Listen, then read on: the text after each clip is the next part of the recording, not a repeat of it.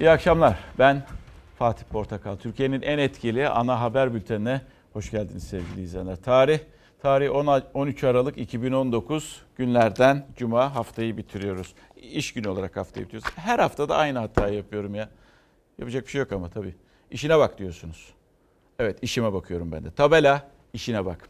Tabela işine bak çünkü e, Cumhurbaşkanı söylemişti Ekrem İmamoğlu'na İstanbul Büyükşehir Belediye Başkanı. O da bugün cevap verdi. Peki aynı seviyede mi cevap verdi dersiniz? Türk siyasi tarihine baktığımızda, siyasetçilere baktığımızda evet 3 aşağı 5 yukarı aynı seviyede olabilir diye düşünebilirsiniz. Peki sizi şaşırtabilir mi? Olabilir de birazdan paylaşacağız. Bugün çok haber var. Hızla gidelim. Önce Amerika'ya uzanıyoruz. Amerika Birleşik Devletleri Senatosu 1915 Ermeni olaylarını kendince yorumladı. Sözde soykırımı sözde soykırımı senatoda kabul ettiler. Ha, bir anlamı yok, bir yaptırımı da yok. Ama bakınız dün yaptırımı Dış İlişkiler Komisyonu senatoda kabul etmişti. Erdoğan ailesinin mal varlıkları, bazı isimlerin e, haklarındaki inceleme bakanlardan bahsediyorum. Dün yaptırımları kabul etmişti. Bugün bir şok daha yaşattı Türkiye'ye. Böyle bir şey yok. Tarih konu konusunda maalesef siyasilerin karar alması veya da bir takım iddialarda bulunması gerçekten son derece temelsiz. Tarihi meseleleri siyasi alana çekmeye çalışanlara arşivleri işaret ediyoruz. Tüm arşivlerimiz bilim insanlarına ve tarihçilere açıktır. Amerika Birleşik Devletleri Senatosu'nun bu kararını kınıyor ve reddediyoruz. Amerikan Senatosu tarihi gerçekleri göz ardı etti. Sözde soykırım iddialarını oylayıp tasarıyı kabul etti. Türkiye'den iktidarı ve muhalefetiyle sert tepkiler ardı ardına yükseldi. Amerika Birleşik Devletleri Büyükelçisi Dışişleri Bakanlığı'na çağrıldı. Amerika Birleşik Devletleri Senatosu'nun kararı siyasi bir gösteriden ibarettir. Hukuki bağlayıcılığı ve geçerliliği yoktur. Tarihi siyasi amaçlar için kullananlar gerçeklerle yüzleşmek istemeyen korkaklardır. Bu e, kararın yok hükmünde olduğuna dair imza attık ve açıkladık. Amerikan emperyalizmini şiddetle Cumhuriyet Halk Partisi olarak kınıyoruz. Türkiye'nin her platformda reddettiği sözde Ermeni soykırımı iddialarına ilişkin tasarı önce Amerika Birleşik Devletleri Temsilciler Meclisi'nde 29 Ekim'de geçti. Erdoğan'ın Trump'la görüştüğü 13 Kasım'da ise Cumhuriyetçi Senatör Lindsey Graham tasarının Senato'da oylanmasını bloke etti. Üç kez engellenen tasarı dün bir kez daha Senato'ya getirildi ve kabul edildi. Amerika Birleşik Devletleri Senatosu'nun çarpık tarih anlayışını küçük siyasi hesaplarına alet eden kararını şiddetle kınıyor ve reddediyoruz. Thank you. Thank you. Amerika Birleşik Devletleri Büyükelçiliği Anadolu Ajansı'na açıklama yaptı. Amerika Başkanı Trump'ın soykırım değil, büyük felaket tanımını kullandığı olaylarla ilgili tavır değişmedi dedi. Yönetimin pozisyonu değişmemiştir. Görüşlerimiz başkanın geçen Nisan ayında yaptığı son açıklamasında yansıtılmıştır. Kabul edilen tasarı ikili ilişkilerin geleceğini tehlikeye atmaktadır. Yaptırımlar ve tehditler ulusal güvenlik çıkarlarımızı korumaktan vazgeçirmeyecek. Açıklamaya rağmen Amerika Birleşik Devletleri Büyükelçisi Dışişleri Bakanlığı'na çağrıldı. Türkiye'nin tepkisi iletildi. Hiçbir bağlayıcılığı olmayan kararla ilgili mecliste bir de üst düzey tepki tartışması yaşandı. Üst perdeden an itibariyle verilmiş bir siyasi tepki yok. Galiba siz Trump'tan bir icazet bekliyorsunuz. Biz Amerikan Senatosu'nun bu kararını yok hükmünde görüyor ve bu karara tükürüyoruz. Recep Tayyip Erdoğan'dan bu milletin, bu meclisin şanına, şerefine yakışır bir refleks bekliyoruz. Bunu göstermesini bekliyoruz. Refleks bekliyoruz diyor. Tabii meclisin refleks koyması önemli ama partili Cumhurbaşkanı Recep Tayyip Erdoğan'ın da refleks koyması e, koyması gerekir. Bizler adına, Türk milleti adına Fransa dendiğinde biliyorsunuz Sayın Erdoğan en ağır cümlelerle Fransa'yı e, eleştiriyor ama e, Almanya'yı keza o şekilde. Ama dönüp bakıyorsunuz Amerika'dan iki gündür şok kararlar geliyor. Türkiye'yi ilgilendiren, geleceğimizi ilgilendiren, Türk-Amerikan ilişkilerini ilgilendiren önümüzdeki sezonda süreçte ve hiçbir şey söylemiyor Cumhurbaşkanı. Şimdiye kadar hiçbir şey söylemedi. Yarın belki söyler bilemiyorum. Bugün Cuma namazı çıkışında belki söylemesi bekleniyordu. Ancak yine cümle kurmadı. Neden bir çekincesi mi var, endişesi mi var? Neden? Yoksa hazırlık mı yapıyor, yarın mı konuşacak onu da bilmiyoruz. Bir soru soracağım ama bu sorunun cevabı tabii yok. Ee, henüz bende. Belki sizler de e, bulabilirsiniz veya kafanızı kurcalasın. Sadece acaba S-400'ler için mi yapılıyor bu? yaptırımlar, ne bileyim e, 1915 Ermeni olayları sadece S-400 aldığı için mi Türkiye diye bir soru sorayım. Bunun yanıtını önümüzdeki birkaç ay içerisinde görmüş olacağız. İngiltere bu arada e, işine bak dedi. Muhafaza e, muhalefetteki muhalefetteki e, işçi partisi liderine Boris Johnson da e, evet dedi sen yoluna devam edebilirsin dedi İngi- e, İngilizler. Kazanan isim oldu ve muhafazakar e, lider muhafazakar partinin lideri çoğunluğu elde etti avamda avam kamerasında. Peki işçi partisinin kaybeden lideri ne yaptı? E, Jeremy Corbyn ne yaptı? O da kaybetti ve bir dahaki seçime bakınız. Siyasi düzeye bakınız bir dahaki seçime benim liderliğimde gitmeyecek dedi İşçi Partisi. Yani İşçi Partisi'nde değişiklik kararı verildi. Kaybeden gidiyor demokraside. Yani Türk siyasetine baktığımızda maalesef kaybeden gitmiyor. Hatta seçilmişler görevden bile alınıyor. Tıpkı Ahmet Davutoğlu'nun geçmişte iktidar partisi de AKP'de yaşadığı gibi. Ha, ne yaptı? Partisine bazı arkadaşlarıyla birlikte küstü ayrılmak zorunda kaldı. Kendince nedenleri vardı. Kabul edilebilir edilemez. Ve e, parti kurmak için yola çıktı. Partisini de dün itibariyle İçişleri Bakanlığı'na bildirdi. Bugün de kameralar önündeydi. Partisinin ismi Gelecek Partisi. E, logosu, amblemi çınar yaprağı. Önemli mesajları vardı. Mesela özgürlük vaat etti. Şeffaflık vaat etti, liyakat vaat etti. Bunlar demek ki yok ki Türkiye'de istenilen seviyede değil ki yok ki demeyeyim e, bunları vaat ediyordu. Bir de en önemli sözlerinden bir tanesi biliyorsunuz e, partili cumhurbaşkanlığı sistemini yaşıyoruz biz. Ama bakın ne dedi Ahmet Davutoğlu? Demokratik parlamenter sistemi savunuyoruz diye konuştu. Bütün baskılara ve oluşturulmaya çalışılan korku atmosferine rağmen gelecek milletimizindir. Gelecek Türkiye'nindir diyerek partimizin kuruluşunu ilan ediyoruz. Yeni partinin adı Gelecek. Sloganı güven ve huzur. Logosu ise sahne dekorunda beyaz rengiyle yer alsa da yeşil çınar yaprağı. Bütün büyük e, şehirlerde çınar merkezdedir. Her mevsimde değişik renge girebiliyor ama çınar olup yaprağı olma özelliğini koruyor. Eski Başbakan Ahmet Davutoğlu o logonun ne anlama geldiğini de anlattı. Gelecek Partisi'nin genel başkanı olarak vaatlerini sıraladı. Siyasetimizin temel felsefesi geleneğe saygılı özgürlükçülüktür. Siyasi davranış ilkemiz ahlaki tutarlılık ve şeffaflıktır. Devlet yönetiminde temel ilkemiz ehliyet, liyakat ve emanettir. Sayın Davutoğlu e, bilime önem veren birisi.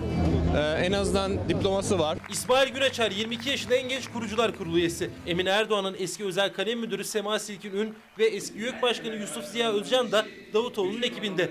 15 Temmuz şehidi Erol Olçok'un eşi Nihal Olçok'ta. Türkiye'nin gerçekten geleceğini tesis edecek temiz bir nefese ihtiyacı vardı. Biraz önce söyledim. Biraz daha kadınımız olmalıydı. Daha çok kadınımız olmalıydı diye. Aralarında Rum, Ermeni, Süryani isimlerin de olduğu 154 kişilik kurucular kurulunda sadece 31 kadın var. Türkiye derdi olmayanların, millet derdi kalmayanların, adalet meselesi olmayanların, milletimizin geleceği için söyleyecekleri sözlerde kalmamıştır. Onun için adaleti, hukuku, dürüstlüğü, ahlakı, eşitliği duyunca rahatsız oluyorlar. Eski yol arkadaşlarını hedef alırken sesinin tonu sertti Davutoğlu'nun. Şeffaflığın altını özellikle çizdi. Hem devlet yönetiminde hem de siyasette şeffaflığı ve hesap verilebilirliği kamu ahlakımızın en temel ilkeleri olarak benimsiyoruz. Seçim barajı uygulamasına son verilmelidir. Ahmet Davutoğlu'nun paralel yapı sözleri de dikkat çekti. Siyasetimizin vicdani ilkesi din ve inanç özgürlüğüdür. Devletin rasyonel bürokratik mekanizmalarla işleyen yapısına müdahale ederek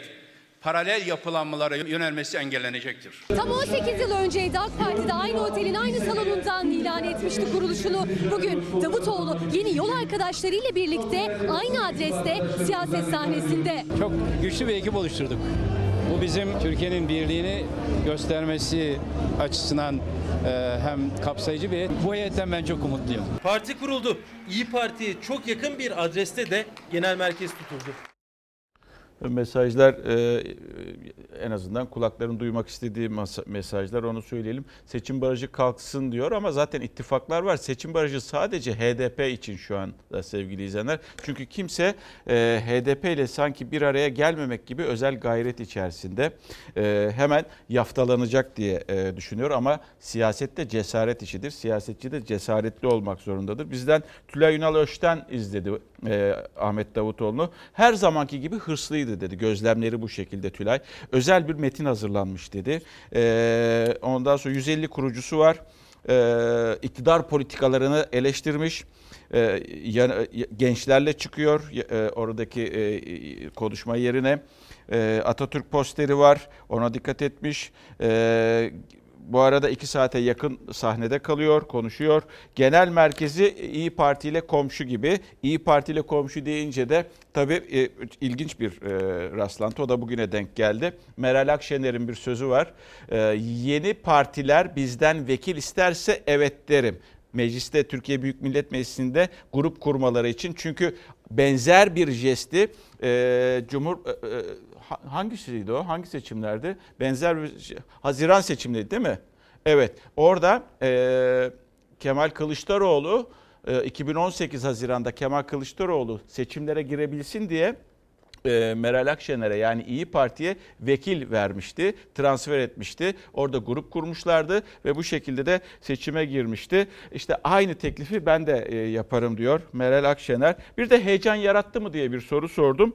E, Tülay'ın görüşü şu an için erken ama yaratmadı dedi kendi bakış açısıyla. Her yerden insanlar getirebilirlerdi ancak kurucuları getirmişler dedi.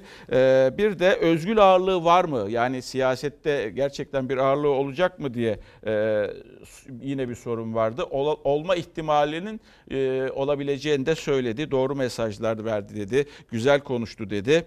Bu gibi e, tabii söylemleri vardı. Önümüzdeki günler daha belirleyici olacak. Şimdi hiçbir şey söyleyemeyiz. Seçimlere girdiğinde göreceğiz. Esas Konya'da mesela ne olacak? Geçmişini nasıl anlatacak Ahmet Davutoğlu?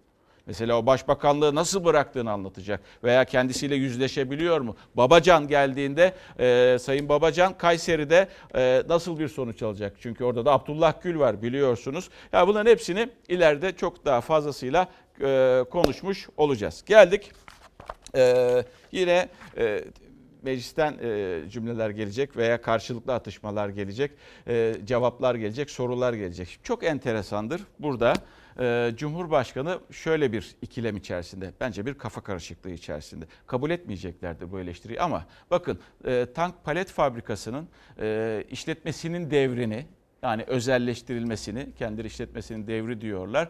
E, bunu zarar ettiğini söylüyorlar. Ve Erdoğan söylüyor ve e, o zararı bir şekilde artık e, kapatılması gerektiğinin sanki altı çizilmek isteniyor. Ama aynı zararı fazlasıyla birlikte ki burası devletin bir fabrikası, Türk Silahlı Kuvvetleri, ordunun fabrikası. Diğeri ise müteahhitlere yaptırılan böyle çok pahalı bir şekilde yaptırılan, akla hayale gelmeyecek uçuk paralara yaptırılan şehir hastaneleri. Orada da diyor ki yani e, sağlık için önemlidir, zarar göğüslenebilir diyor. Şimdi burada o zaman şöyle bir cümle kurmak gerekiyor. Bakın arkadaki cümleyi belki sizler de kurdunuz. Zarar bahane, özelleştirme şahane. Tank palet fabrikası zararda olan bir yer. Fatura kessin de o zaman tank palet fabrikası genel kurmaya. E bu sefer ne diyeceksin? Genel kurmay zarar ediyor. Hadi biz genel kurmayı da özelleştirelim. Cumhurbaşkanı tank palet fabrikasının özel şirkete devri için zarar ediyordu gerekçesini dile getirdi ama aynı konuşmada hizmet garantili şehir hastanelerine gerekirse zarar ederiz diyerek sahip çıktı. İnsanımızın sağlığı noktasında gerekirse zarar da ederiz. Var mı başka bir diyeceğim? O zaman bu fabrikaya da böyle sahip çıkacaktın.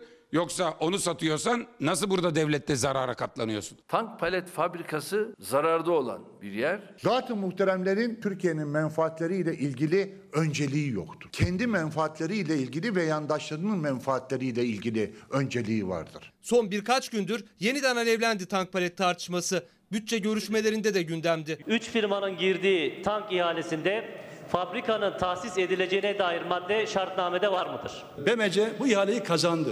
Eğer diğer ikisinden biri kazanmış olsaydı benzer şekilde bu fabrikadan yararlamaları mecburiyeti vardı. Altay tankıyla ilgili bir İhale yapılması başka bir şey. Sen düşük teklif ver, gerisini biz halledeceğiz diyeceksiniz. Kime? Katar ordusuna. Kime? Sana yalakalıkla senden teşvik isteyen adama. Muhalefet tank ihalesinin adrese teslim yapıldığını söylüyor. Fabrikanın kullanımı için neden ihale yapılmadı sorusuysa yanıtsız. Şehir hastanelerinde gerekirse zarar ederiz diyen Cumhurbaşkanı'nın tank palet için zarar ediyordu o yüzden devrediliyor sözü de tartışılıyor. Orduya tank paleti üreten fabrika zarar etmez. Ediyorsa bu yaptığı iş görev zararıdır zaten. Zarar ediyor diye fabrika satmaya kalktın mı bu ülkede hiçbir stratejik kurum kalmaz o zaman. 50 milyon dolarlık bir yatırım yapma şartıyla burayı alıyor. 25 yıllığına. 50 milyona muhtaç kalacak düşkün devletmişiz gibi göstermek kendi ayıbını örtmek için. CHP Milli Savunma Bakanı Hulusi Akar'dan randevu istedi. Kaygılarını iletmek, fabrikanın özel şirkete devre hakkında bilgi almak için. Cumhurbaşkanı'nın böyle enteresan artık ha gerekçenin ötesinde gaf olarak yorumluyorum ben bunu. Yani o kadar enteresan bir konuşma ki e, Türk Silahlı Kuvvetleri Devleti Fabrikası ki önemli Türk Silahlı Kuvvetleri'nin fabrikası o zarar etti mi? Ha, onu özelleştirmek gerekir ki o zarardan devlet kurtulsun diye. Diğer taraftan müteahhitlere dünya kadar paralar veriliyor. Paralar verilerek bunlar yapılıyor. Ha, orada zarar etsek bile önemli değil. Ha, yani bu bana çok enteresan bir yaklaşım geldi. Biz bilelim o zaman. Hangi kurumlar zarar ediyor? Hangi kurumlar e, işte kar yapıyor? Hangi kurumlar zarar ediyorsa hangilerini özelleştirmeyi düşünüyorsunuz? Kafanızda ne vardır? Birkaç gündür böyle enteresan çıkışları oluyor Cumhurbaşkanının. Ve 15 Temmuz'u hatırlayacaksınız e, darbe girişimi. Sonrasında kurulan bir vakıf vardı. 15 Temmuz Şehitleri ve Gazileri, Şehit Yakınları ve Gazileri Derneği. Ancak günlerdir haberlerini yaptık. Böyle bir yönetim kurulunda kimler var? Tabela nerede? Adres neresi? Bir türlü bulunamıyordu. Geçtiğimiz günlerde de zaten paranın hazineye devredildiğini Fuat Oktay hazırlamıştı. Şimdi e, Zehra Zümrüt Selçuk Aile Çalışma ve Sosyal Hizmetler Bakanı meclisteydi bütçe görüşmeleri sırasında. Enteresan bir sloganla karşılaştı. Bakın o slogan yani sandalyelerden sıralardan e, yükselen slogan neydi? Üç buçuk yıldan beri siz bu şehit yakınlarının paralarının ödenmesi için bakanlık olarak ne yaptınız? Para şehit yakınları ve gaziler için harcanacaktır. Tek kuruşuna dokunulmadığı gibi para nemalandırılmıştır. Değerli Zaten şehit yakınlarımız ve gazilerimiz için harcanacak o para. Meclis Genel Kurulu'nda sloganlar yankılandı. 15 Temmuz şehit yakınları ve gaziler için toplanan bağış parası bu kez de CHP ile Çalışma Bakanı arasında tartışma başlıydı. Verilen arada da vekiller karşı karşıya geldi. Şehit paraları gidelim. Sonuna kadar mücadele edelim. Paraların üstüne oturup edepten bahsedemezsin. Henüz açıklanmadı ama vakfın mütevelli heyeti başkanının Çalışma Bakanı Zehra Zümrüt Selçuk olması bekleniyor. Bu yüzden bağış paraları ile ilgili en sert tartışmada Çalışma Bakanı ile yaşandı. Bu paranın üç buçuk yıldan beri verilmemiş olmasını söylememizi neden gülümseyerek dinleme ihtiyacı hissediyorsunuz? Vicdanınızı hiç rahatsız etmiyor mu? Paranın tek kuruşuna nasıl dokunmuş Sayın olabiliriz para artmışken? Sayın Üç buçuk yıl önce bir bankaya yatırmış olsaydım bugün elimde olan paranın miktarı 338 milyon değil 494 milyon 750 bin liraydı. O parada son Değerli kuruşuna kadar şehit yakınları ve gazilerimiz Sayın için Bakan, harcanacak. Buyurun. Para vakıfta. Sayın Vakıf Bakan, buyurun devam adresinde. edin. Sorular değerli milletvekilleri. Sor Zehra Zümrüt Selçuk para vakıfta dedi ama 4 gün önce Cumhurbaşkanı Yardımcısı Fuat Oktay bağışın hazineye ait hesapta durduğunu açıklamıştı. Cevaplarımdan tatmin olmak zorunda değilsiniz. Aksini iddia ediyorsanız ispatla yükümlüsünüz. Söylediklerinizin hepsi gerçek dışıdır. Gerçek olan siz şehit paralarının üstünde oturuyorsunuz. Keşke şehit yakınlarımızın, gazilerimizin emanette olan parasıyla bu kadar ilgilenen vekillerimiz 15 Temmuz davalarına da sahip çıksalardı. değerli milletvekili. Size size söz Burada bombalama başlandığında meclisin ilk kapısını açan kayıtlarda vardır. Cumhuriyet Halk Partili vereceğim 15 Sayın Temmuz'da. Kılıçdaroğlu neredeydi? Biz Fethullahçı terör örgütünün savcısı Zekeriya Öz'ün arkasındayız diyen bir siyasi parti asla olmaz. 15 Temmuz gecesine uzanan tartışmayı noktalamak için meclis başkan vekili ara verdi ama gerilim o arada da devam etti.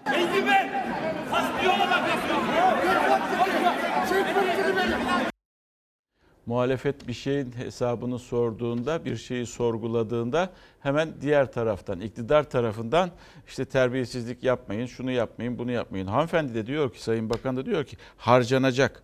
Ya aradan 2016, 2017, 2018, 2019, 2020'ye geliyoruz. Harcanacak değil, harcayınız. Hanımefendi, Sayın Bakan, harcayınız. Harcanacak diye gelecek ifade eden bir cümle kurmayınız. Ve varsa bu para hazinede çünkü varsa demeyeyim bunu Fuat Bey söyledi. Bu para hazinede. Hazinede ise bu parayı ivedilikle harcayınız bu insanlara. Harcamak göreviniz harcanacak diyorsunuz hala da. Sizi eleştirdikleri zaman da kızıyorsunuz insanlara. Geldik işte Ahmet Davutoğlu e, sürpriz bir çıkış yaptı. Belki bu konuşmasının içerisinde e, olması e, bekleniyor muydu, beklenmiyor muydu bilemeyiz. Ama mutlaka ben olması gerektiğini düşünüyordum. Nasıl bir sistem istediği ki o da bunun cevabını vermiş. Demokratik parlamenter sistemi savunuyoruz dedi eski partisi AKP'ye. Demek ki o da partili cumhurbaşkanlığı sistemini savunmuyor, istemiyor ve onun bizi şaha kaldırmadığını anlamış görünüyor. Esas sürpriz nereden geldi diyeceksiniz. Valla MHP'den e, Cemal Engin Yurt'tan geldi. Ha, MHP'den çok Cemal Engin Yurt'u çıkartıyorsunuz diyorsunuz bize. Ama Cemal Bey konuşuyor MHP'den e, devamlı olarak. Burada da e, bakın dinleyeceksiniz vicdan dile geldi. Hakikaten bütçenin ne kadar hayırlı bir iş olduğunu idrak ediyorum. Neden hayırlı bir iş? En azından bir yıldır hiç görmediğim bakanlara görme imkanım oluyor. Allah bir türlü bizi bunlarla buluşturmuyor, görüştürmüyor. MHP'li Cemal Engin Yurt sistem demedi ama eleştirdiği tablo Cumhurbaşkanlığı hükümet sisteminin bir sonucu. Engin Yurt milletvekillerinin atanmış bakanlara ulaşamadığını söyledi. Bütçe görüşmesi olmasa parlamentoda bakanları göremiyoruz dedi. Özel kalemlerini geçemiyoruz, ulaşamıyoruz. Böylelikle hiç olmazsa bütçede bir yılda bir kere de olsa bir şeyler söyleme imkanı buluyoruz. Söyledik. Bunlar milletin bakanı olmayacak dedik. Şimdi bu söylediğimiz gerçeklerin kendileri tarafından görünüyor olması memnuniyet vericidir. Bir sistem denetlenebilir değilse ülke sonunda diktatörlüğe gider. Muhalefetten kim konuşsa eleştiriyor Cumhurbaşkanlığı hükümet sistemini. Muhalefetin de siyasi arenadaki yeni partilerin de hedefi demokratik parlamenter sistem. Milletvekili onun bir kıymet terbiyesi yoksa sadece yürütme o da tek bir e, kişiye verilmişse işsizliği söyleyemezsiniz. Bu sistem devam ettiği takdirde demokratik toplum düzenini sürdürmek maalesef mümkün olmayacaktır. Demokratik bir parlamenter sistemi savunuyoruz. Cumhurbaşkanlığı hükümet sisteminin devamlı arkasında durduğumuzu bir kez daha ifade etmek istiyorum. Cumhur İttifakı ortağı Bahçeli Cumhurbaşkanlığı hükümet sistemini en az Erdoğan kadar savunuyor. Parlamentonun işlevsiz hale geldiğine de karşı çıkıyor. Ama MHP Ordu Milletvekili Cemal Engin Yurt bütçe görüşmelerinde çok dikkat çekici cümleler kurdu. İnşallah dikkate alırlar da milletvekillerinin tamamının telefonlarına bakarlar, özel kalemlerine de talimat verirler de özel kalemlerini geçeriz. Bunların özel kalemi duvar gibi. Direkt gideceksin abi. Berat'ı seviyorum. Berat Albayrak'ta sıkıntı yok. Cumhurbaşkanlığı hükümet sistemiyle bakanlar meclis dışından atandı. AK Partili vekiller dahi bakanlara ulaşamamaktan meclisin etkisizliğinden yakında AK Parti kampında. Zaten bu yüzden de nöbetçi bakanlık sistemi getirildi. MHP'li Cemal Engin Yurt da bütçe görüşmeleri olmasa bakanları göremeyeceğiz dedi. Bakın sizin Allah yüzünüze güldü. Oy derdiniz yok, seçmen derdiniz yok. Ama buradakilerin hepsinin oy derdi var, seçmen derdi var. Cemal Engin Yurt'un sistem demeden yaptığı sistem eleştirisi MHP cephesinde ilkti. Tabii atanmışlara diyor orada e, seçilmişlerle atanmışlar arasında fark var. Seçilmişler bizler tarafından seçiliyor. Şimdi e, Davutoğlu'nun Sayın Davutoğlu'nun o toplantısında genç bir arkadaş vardı. En genç kurucular kurulu üyesi İsmail Günaçar. Basın mensupları bu gence soru soruyorlar. Soru şu. Davutoğlu'nun Erdoğan'dan farkı sizce ne olacak? Ne olacak? Cevap geliyor gençten. Davutoğlu bilime önem veren birisi. En azından diploması var kendisinin. Bizim gençlerimize sahip çıkan ve dünyaca tanınan biri olduğu için bize liderlik yapabilecek birisi. Bakın bu diploma meselesi, Sayın Erdoğan'ın diploma meselesi, gösterilemeyen diploma meselesi önümüzdeki süreçte çok konuşulacak. Ve e, hem önümüzdeki süreçte hem de Cumhurbaşkanlığı bittiğinde de çok konuşulacak. Ha bir bu kadar zor olmaması gerekiyor. Gencecik bir çocuk bunu söylüyor şimdi. Ve o diplomanın ha benim diplomam al göster. Yapılması gerekir. Mesela ben üniversite mezunuyum değil mi? Benim bir dip, diplomam var. Göster deseler çıkartırım alın derim size İstanbul Üniversitesi İşletme Fakültesi'nin diploması. Ne olacak ki gösteririm. Evde de saklıyorum zaten. Bu kadar basit bir şey ama Cumhurbaşkanı bunu maalesef gösteremiyor. Ee, insanlarla paylaşamıyor. Neden sorusunu soralım. Ve geldik. Şimdi ha işine bak tabela. Bir tabela okuyayım da oradan o konuya gideceğiz çünkü.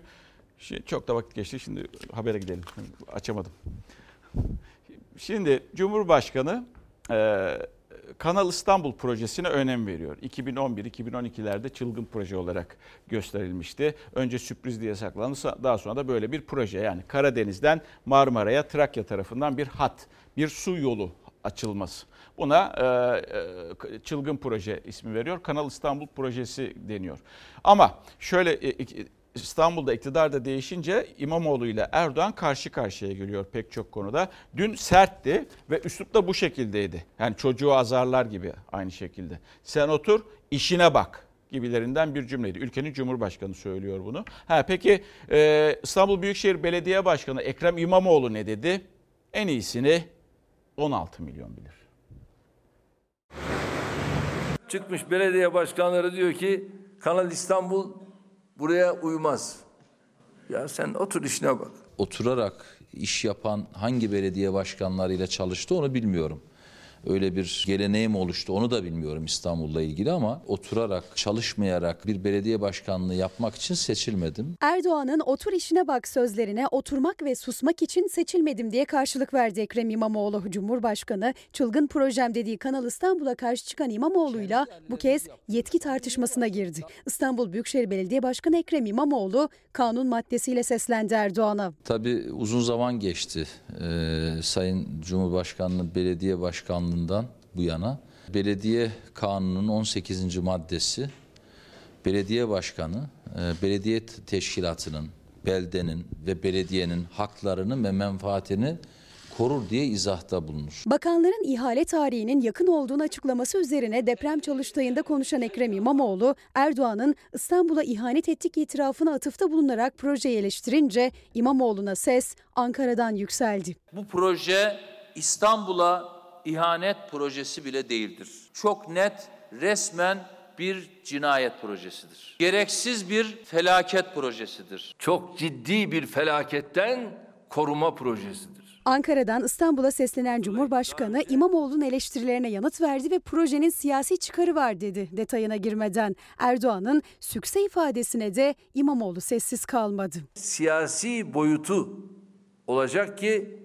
bunu şimdi kullanmıyorum. Vakti saati geldiğinde onu da kullanırız. Dünyada çok ciddi bir sükse yapacak. Yani biz birileri sükse yapsın diye İstanbul halkına e, ihanet edecek hiçbir projeye evet demeyeceğiz. Yarın pişman olacakları projelere evet demeyeceğiz. Cumhurbaşkanı Erdoğan Kanal İstanbul projesinde kararlı. Ekrem İmamoğlu da geri adım atmamakta. Ya sen otur işine bak. Nasıl uyduğunu göreceksin. Sen otur işine bak. En iyisini e, ben bilirim demektir. En iyisini 16 milyon insan bilir. Bize verilen yetkinin en değerli kısmı e, susmamak, konuşmak. Buna alışmak istemeyen bu sürece alışsa iyi olur. Daha fazla sesimiz çıkacak. Bravo. Cevap da bu. Nezaket çok güzel. Ce, e, asabiyet yok, sinir yok. Cumhurbaşkanının o seviyesine inmemek gerekiyor bence. E, gerçekten de bu şekilde de güzel bir cevap vermiş e, İmamoğlu. Çünkü e, tartışmaya açık bir konu. Karşıdan cevap bekliyor. Çünkü iktidar partisinin zihniyeti hemen tansiyonu yükselttirelim, işte e, kavga ettirelim, şöyle yapalım. Ondan sonra da insanları karşı karşıya getirelim. Bravo Ekrem İmamoğlu size. Ha bakın deprem konusunda da e, sıkıntılar yaşanıyor İstanbul'da. Kanal İstanbul'un riskli olduğu söyleniyor. Aynı risk İzmir için de var.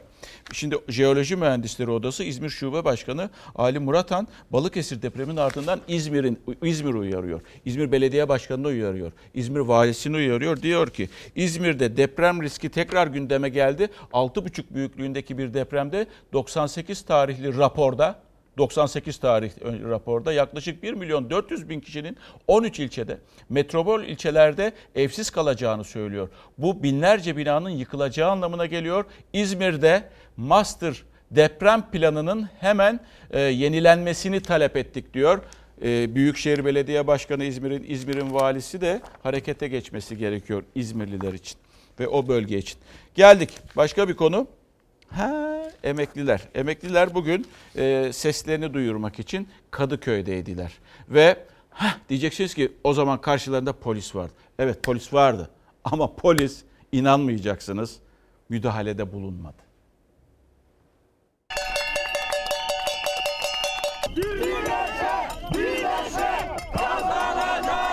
Bu emeklinin boş tenceresi. Artık tencerelerimizi kaynatamıyoruz. Boş tencerede fatura yaktı emekliler. Çünkü maaşlar düşük, faturalar yüksek. Yeni yılda zamlı maaşları belirlenmeden bir kez daha seslerini duyurmaya çalıştılar. Biz emekliler artık bıçak kemiğe dayandı diyoruz. Bütçeden bizlere ayrılan pay %4 zam olarak yansıyor. Enflasyona ezilmeyelim. Birinci önceliğimiz bu. Ezmesin yeter boğazımıza dayandı. Diske bağlı tüm emekliler sendikası İstanbul Kadıköy'de fazlasını değil hakkımızı istiyoruz dedi. Yaşlılıkta rahat bir yaşamdı hayalleri ama geçim derdi hepsinin ortak yarası oldu. 76 yaşındaki Yusuf Sinan da 28 sene devlete hizmet etti. O da ödeyemediği faturalarla eylemdeydi. Doğalgazı daha doğru dürüst yakmadan bu fatura geldi. Kışın geldiğinde ne yapacağımızı henüz bilemiyoruz.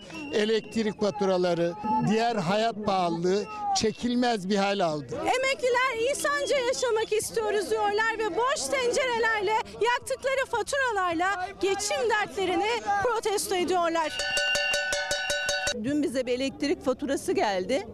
190 lira. Nasıl e, geçineceğiz? Nasıl yiyeceğiz? Et ve süt ürünleri bizim alacağımız e, düzeyde fiyatı yok. Et yok. Ee, Kurban Bayramı'nda bilmiyorum artık komşuların inisiyatifine bağlı. Bir markete gittiğimizde düşünmeyelim ay bu süt ne kadar diye. Bunu alabilir miyiz? Emekli eti de sütü de unuttu. Market raflarındaki fiyatlar, faturalara peş peşe gelen zamlar bellerini iyice büktü. Üstelik mevsim kış, doğalgaz faturasının katlanması da an meselesi. Şu sıcak havalarda bile 118 bin lira fatura gelmiş durumda. Emeklilerin durumu emekliyor yani böyle. 1 milyonun üzerinde emekli 1000 liranın altında maaş almaktadır. 4 küsür milyon emekli ikinci bir işte çalışmak zorunda kalıyor ve çalışıyor. Bütçe görüşmelerinden de müjdeli haber duyamayan emekliler kendilerini çoktan unuttu ama en çok da torunlarına yetememeye üzülüyorlar. Torunlarımız mahrum bizim elimize gelemiyor bu şekilde. Niye? Yani e, boş döneceğini bildiği için e, bir geldi ki geldi. E, bugün çok kendisinden bahsettik. Çalışma Bakanı sevgili izleyenler Zehra Zümrüt Selçuk tam bakanlığın ismi Aile Çalışma ve Sosyal Hizmetler Bakanı 2 Aralık 2019 günü asgari ücret görüşmeleri başladığında kurmuş olduğu bir cümleydi. Veya bir gün öncesinde de olabilir hafızam beni yanıltmıyorsa. Ee, şöyle demişti, ücret artışı kadar istihdam da önemli demişti. Ücret artışı kadar, asgari ücret yükselecek ya, ücret artışı kadar istihdam da, istihdamın korunması önemli demişti. Şimdi orada şu tehditte bulunuyordu aslında. İşveren tarafından işveren tarafında görünüp işçiyi karşısına alıyormuş gibi eleştirilerimiz de bizim bu yöndeydi. Yani aman asgari ücreti fazla yüksek tutmayın yoksa işsizlikle karşılaşabilirsiniz diye bu sözlerine aynı isim açıklık getirmek zorunda kaldı. Nerede? Türkiye Büyük Millet Meclisi'nde. Geçen asgari ücret görüşmelerinde açıkladığım istihdamı korumak, işvereni korumak değildir. 2020 yılı için asgari ücret görüşmelerinin ilk toplantısında kurduğu cümle çok tartışılmıştı bakanın. Muhalefet tarafından işsizlik tehdidi olarak yorumlanmıştı. Ücret artışı kadar işin kendisinin yani istihdamın korunması da mühim. İşçinin ekmeğiyle şantaj yapmak siyasi ahlaka sığmaz. Bizim devlet olarak amacımız hem işvereni hem işçiyi korumaktır. İstihdamın olmadığı, istihdamın azaldığı bir yerde işçiyi koruduğumuzu söyleyemez hiç kimse. Bakan Zehra Zümrüt Selçuk günler sonra genel kurulda açıklama yapmak zorunda kaldı. İşçiye karşı işvereni korumuyorum dedi. İstihdam meselesi işçi ve işverenden bağımsız işi korumak meselesidir. Asıl olarak işçiyi korumak istiyorsak istihdamı korumak mecburiyetindeyiz. Avrupa ülkeleri içerisinde asgari ücrette sondan dördüncüyüz. Asgari ücretin satın alınma gücüne göre biz 10. sıradayız. Diskin araştırmasına göre Türkiye'deki asgari ücret sadece 3 Avrupa ülkesinden iyi. Bakan o araştırmaya da muhalefetin eleştirilerine de karşı çıktı. Lüksemburg'da bir işçi 37 saat çalışıyor ve 2071 euro ücret alıyor. Hollandalı 30 saat çalışıyor, 1626 euro alıyor. Yunanistan bile 42 saat çalışıyor, 721 euro alıyor. Bizim işçimiz ne alıyor? Bakın 45 saat çalışıyor, en yüksek çalışma bizde 314 euro alıyor. 2002 yılında 184 lira olan net asgari ücreti 2019 yılı için %26 artarak net 2020 liraya çıkardık. Elektrik masrafı ayda 125 lira. Su masrafı 100 lira. Doğalgaz 400 lira. Ulaşım 200 lira. Mutfak 750 lira. Simit yese karnı doymuyor. Bunda sağlık yok. Sosyal etkinlikler yok. Çay yok. Kahve yok. Giyim yok. Bunda yaşam yok. Türk İş tavanı 2578 lira olarak belirlemişti. Gözler iktidarın açıklayacağı rakamda. İyi Parti de asgari ücret beklentisini duyurdu. Asgari ücretin vergiden muaf tutulup net olarak 2650.50 TL olması Şimdi bugün yine mi diyeceksiniz? Yine aynı bakan mı? Gerçekten öyle. Ee, Birçok haberde kendisini görüyorsunuz. Türkiye Büyük Millet Meclisi'nde sözleri çünkü çok yankılandı. Ee, ve şimdi bakınız başka bir haberle karşımıza gelecek. O, o kitleyi biliyorsunuz. Emeklilikte yaşa takılanlar. Emeklilikte yaşa takılanlar aslında bu haberi sevmeyecekler çok fazla. Çünkü e, Zehra Hanım, Sayın Bakan EYT'ye başka bir isim buldu. Biz emeklilikte yaşa takılanlar olarak biliyoruz ya kafamıza öyle kazındı. O da şu e, tabiri getirdi. Emekliliğe yaşı tutmayanlar. Cari açığı kontrol altına almış bir Türkiye ekonomisi oluşturma hedefi doğrultusunda önemli bir alan olarak tasarruf araçlarımızın etkinliğini de görüyoruz. Bu açığı kapatmak için emeklilik sisteminin reforme edilmesi oldukça önemli görüyoruz. Emeklilik için gün sayan milyonlarca kişiyi ilgilendirecek açıklama. Emeklilik sistemi değişecek dedi bakan. Maaşlarda mı bir düzenleme yapılacak? Kıdem tazminatlarında mı? Detay vermedi. Yapısal dönüşüm adımlarımız içerisinde de yer alan bu reform daha sürdürülebilir bir emeklilik sistemini vatandaşlarımızın hizmetine sunacak. Berat Albayrak'ın emeklilikte sürpriz açıklamasının ardından genel kurulda EYT'de tartışma başlığıydı. Cumhurbaşkanlığı bütçesi 3.8 milyar TL, emekli olacak 300 bin EYT'linin bir yıllık maaşı 3.6 milyar TL yapıyor. Bırakın emekli olsunlar Sayın Bakan. Dünyanın hiçbir ülkesinde ortalama 52 yaşında kimseyi emekli etmiyorlar. Bizim şu anda fiili emeklilik yaşımız 52. Çalışma Bakanı muhalefetin eleştirilerine yanıt verirken emeklilikte yaşa takılanlar yerine iki farklı ifade kullandı. Emekliliğe hak kazanamayanlar Emeklilikte hak kazanamayanlar ibaresi yeni bir ifade. Biz bu söylemleri e, kabul etmiyoruz. emekliliğe yaşı tutmayanlar dediğimiz kesimin Maalesef görüyorlar ama görmezden gelmeye hala devam ediyorlar. Emeklilikte yaşa takılanlar derneği başkanına göre bakanın yaşı tutmayanlar ve hak kazanamayanlar ifadeleri bilinçli. Şimdi Çalışma Bakanı'ndan Ulaştırma Bakanı'na gideceğiz. Bakın az önce EYT Derneği'nin başkanının bir cümlesi var. Görüyorlar, görmezden geliyorlar. Bu haber gördükleri halde görmezden geldiklerinin haberi.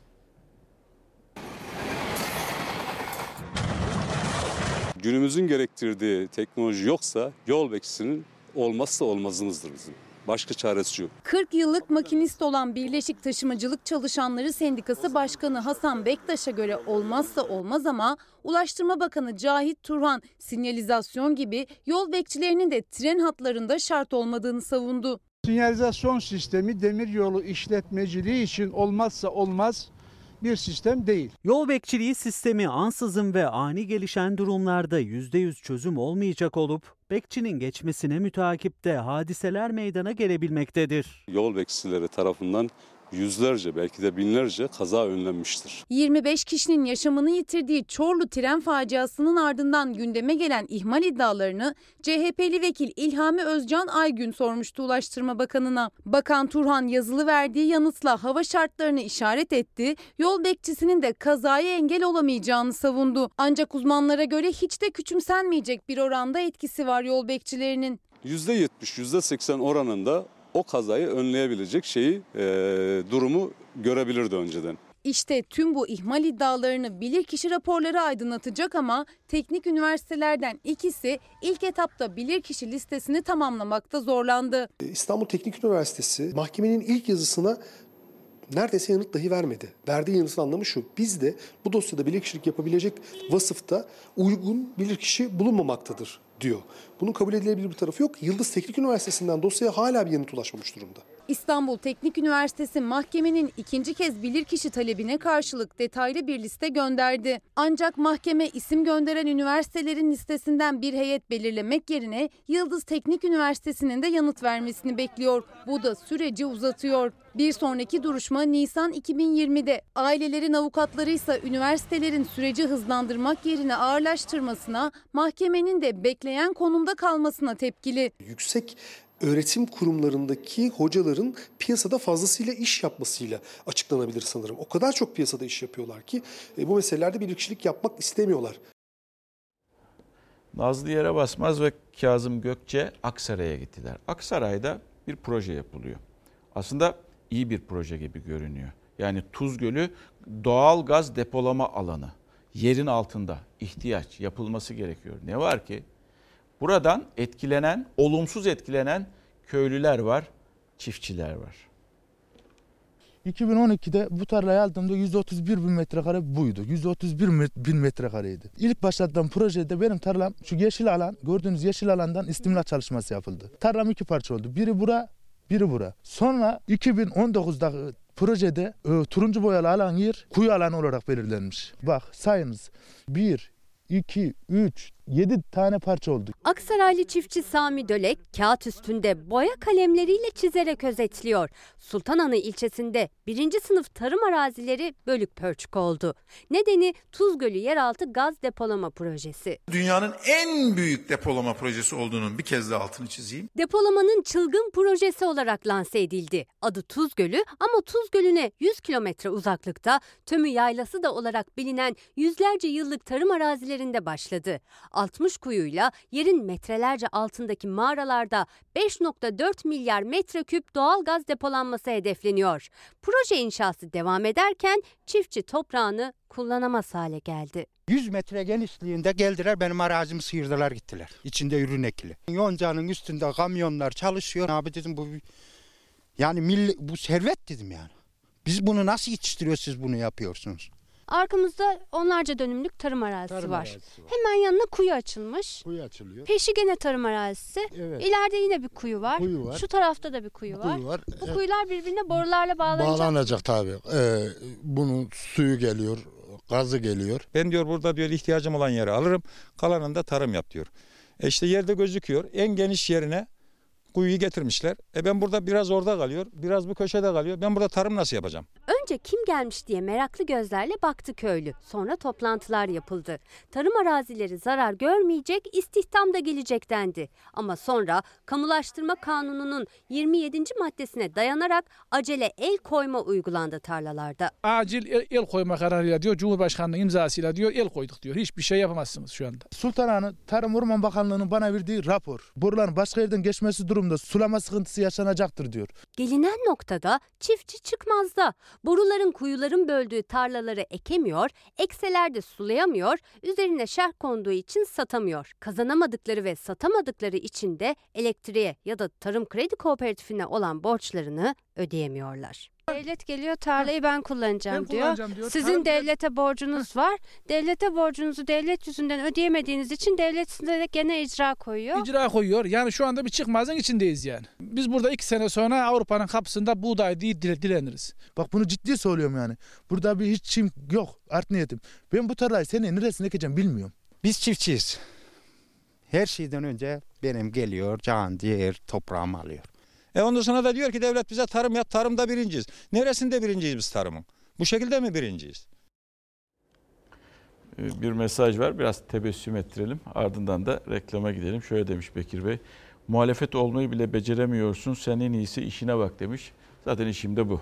Haber sunmak, Türkiye'de yaşananları olumlu ya da olumsuz sizlerle paylaşmak. Reklam. Kapatıyoruz sevgili izleyenler. Bizden hemen sonra Ferhat ile Şirin yeni bölümüyle ekranlara geliyor. İzleyebilirsiniz. Yarın daha mutlu, daha huzurlu, daha güvenli bir dünya ve tabii ki Türkiye'de buluşmak umuduyla. Hoşçakalın.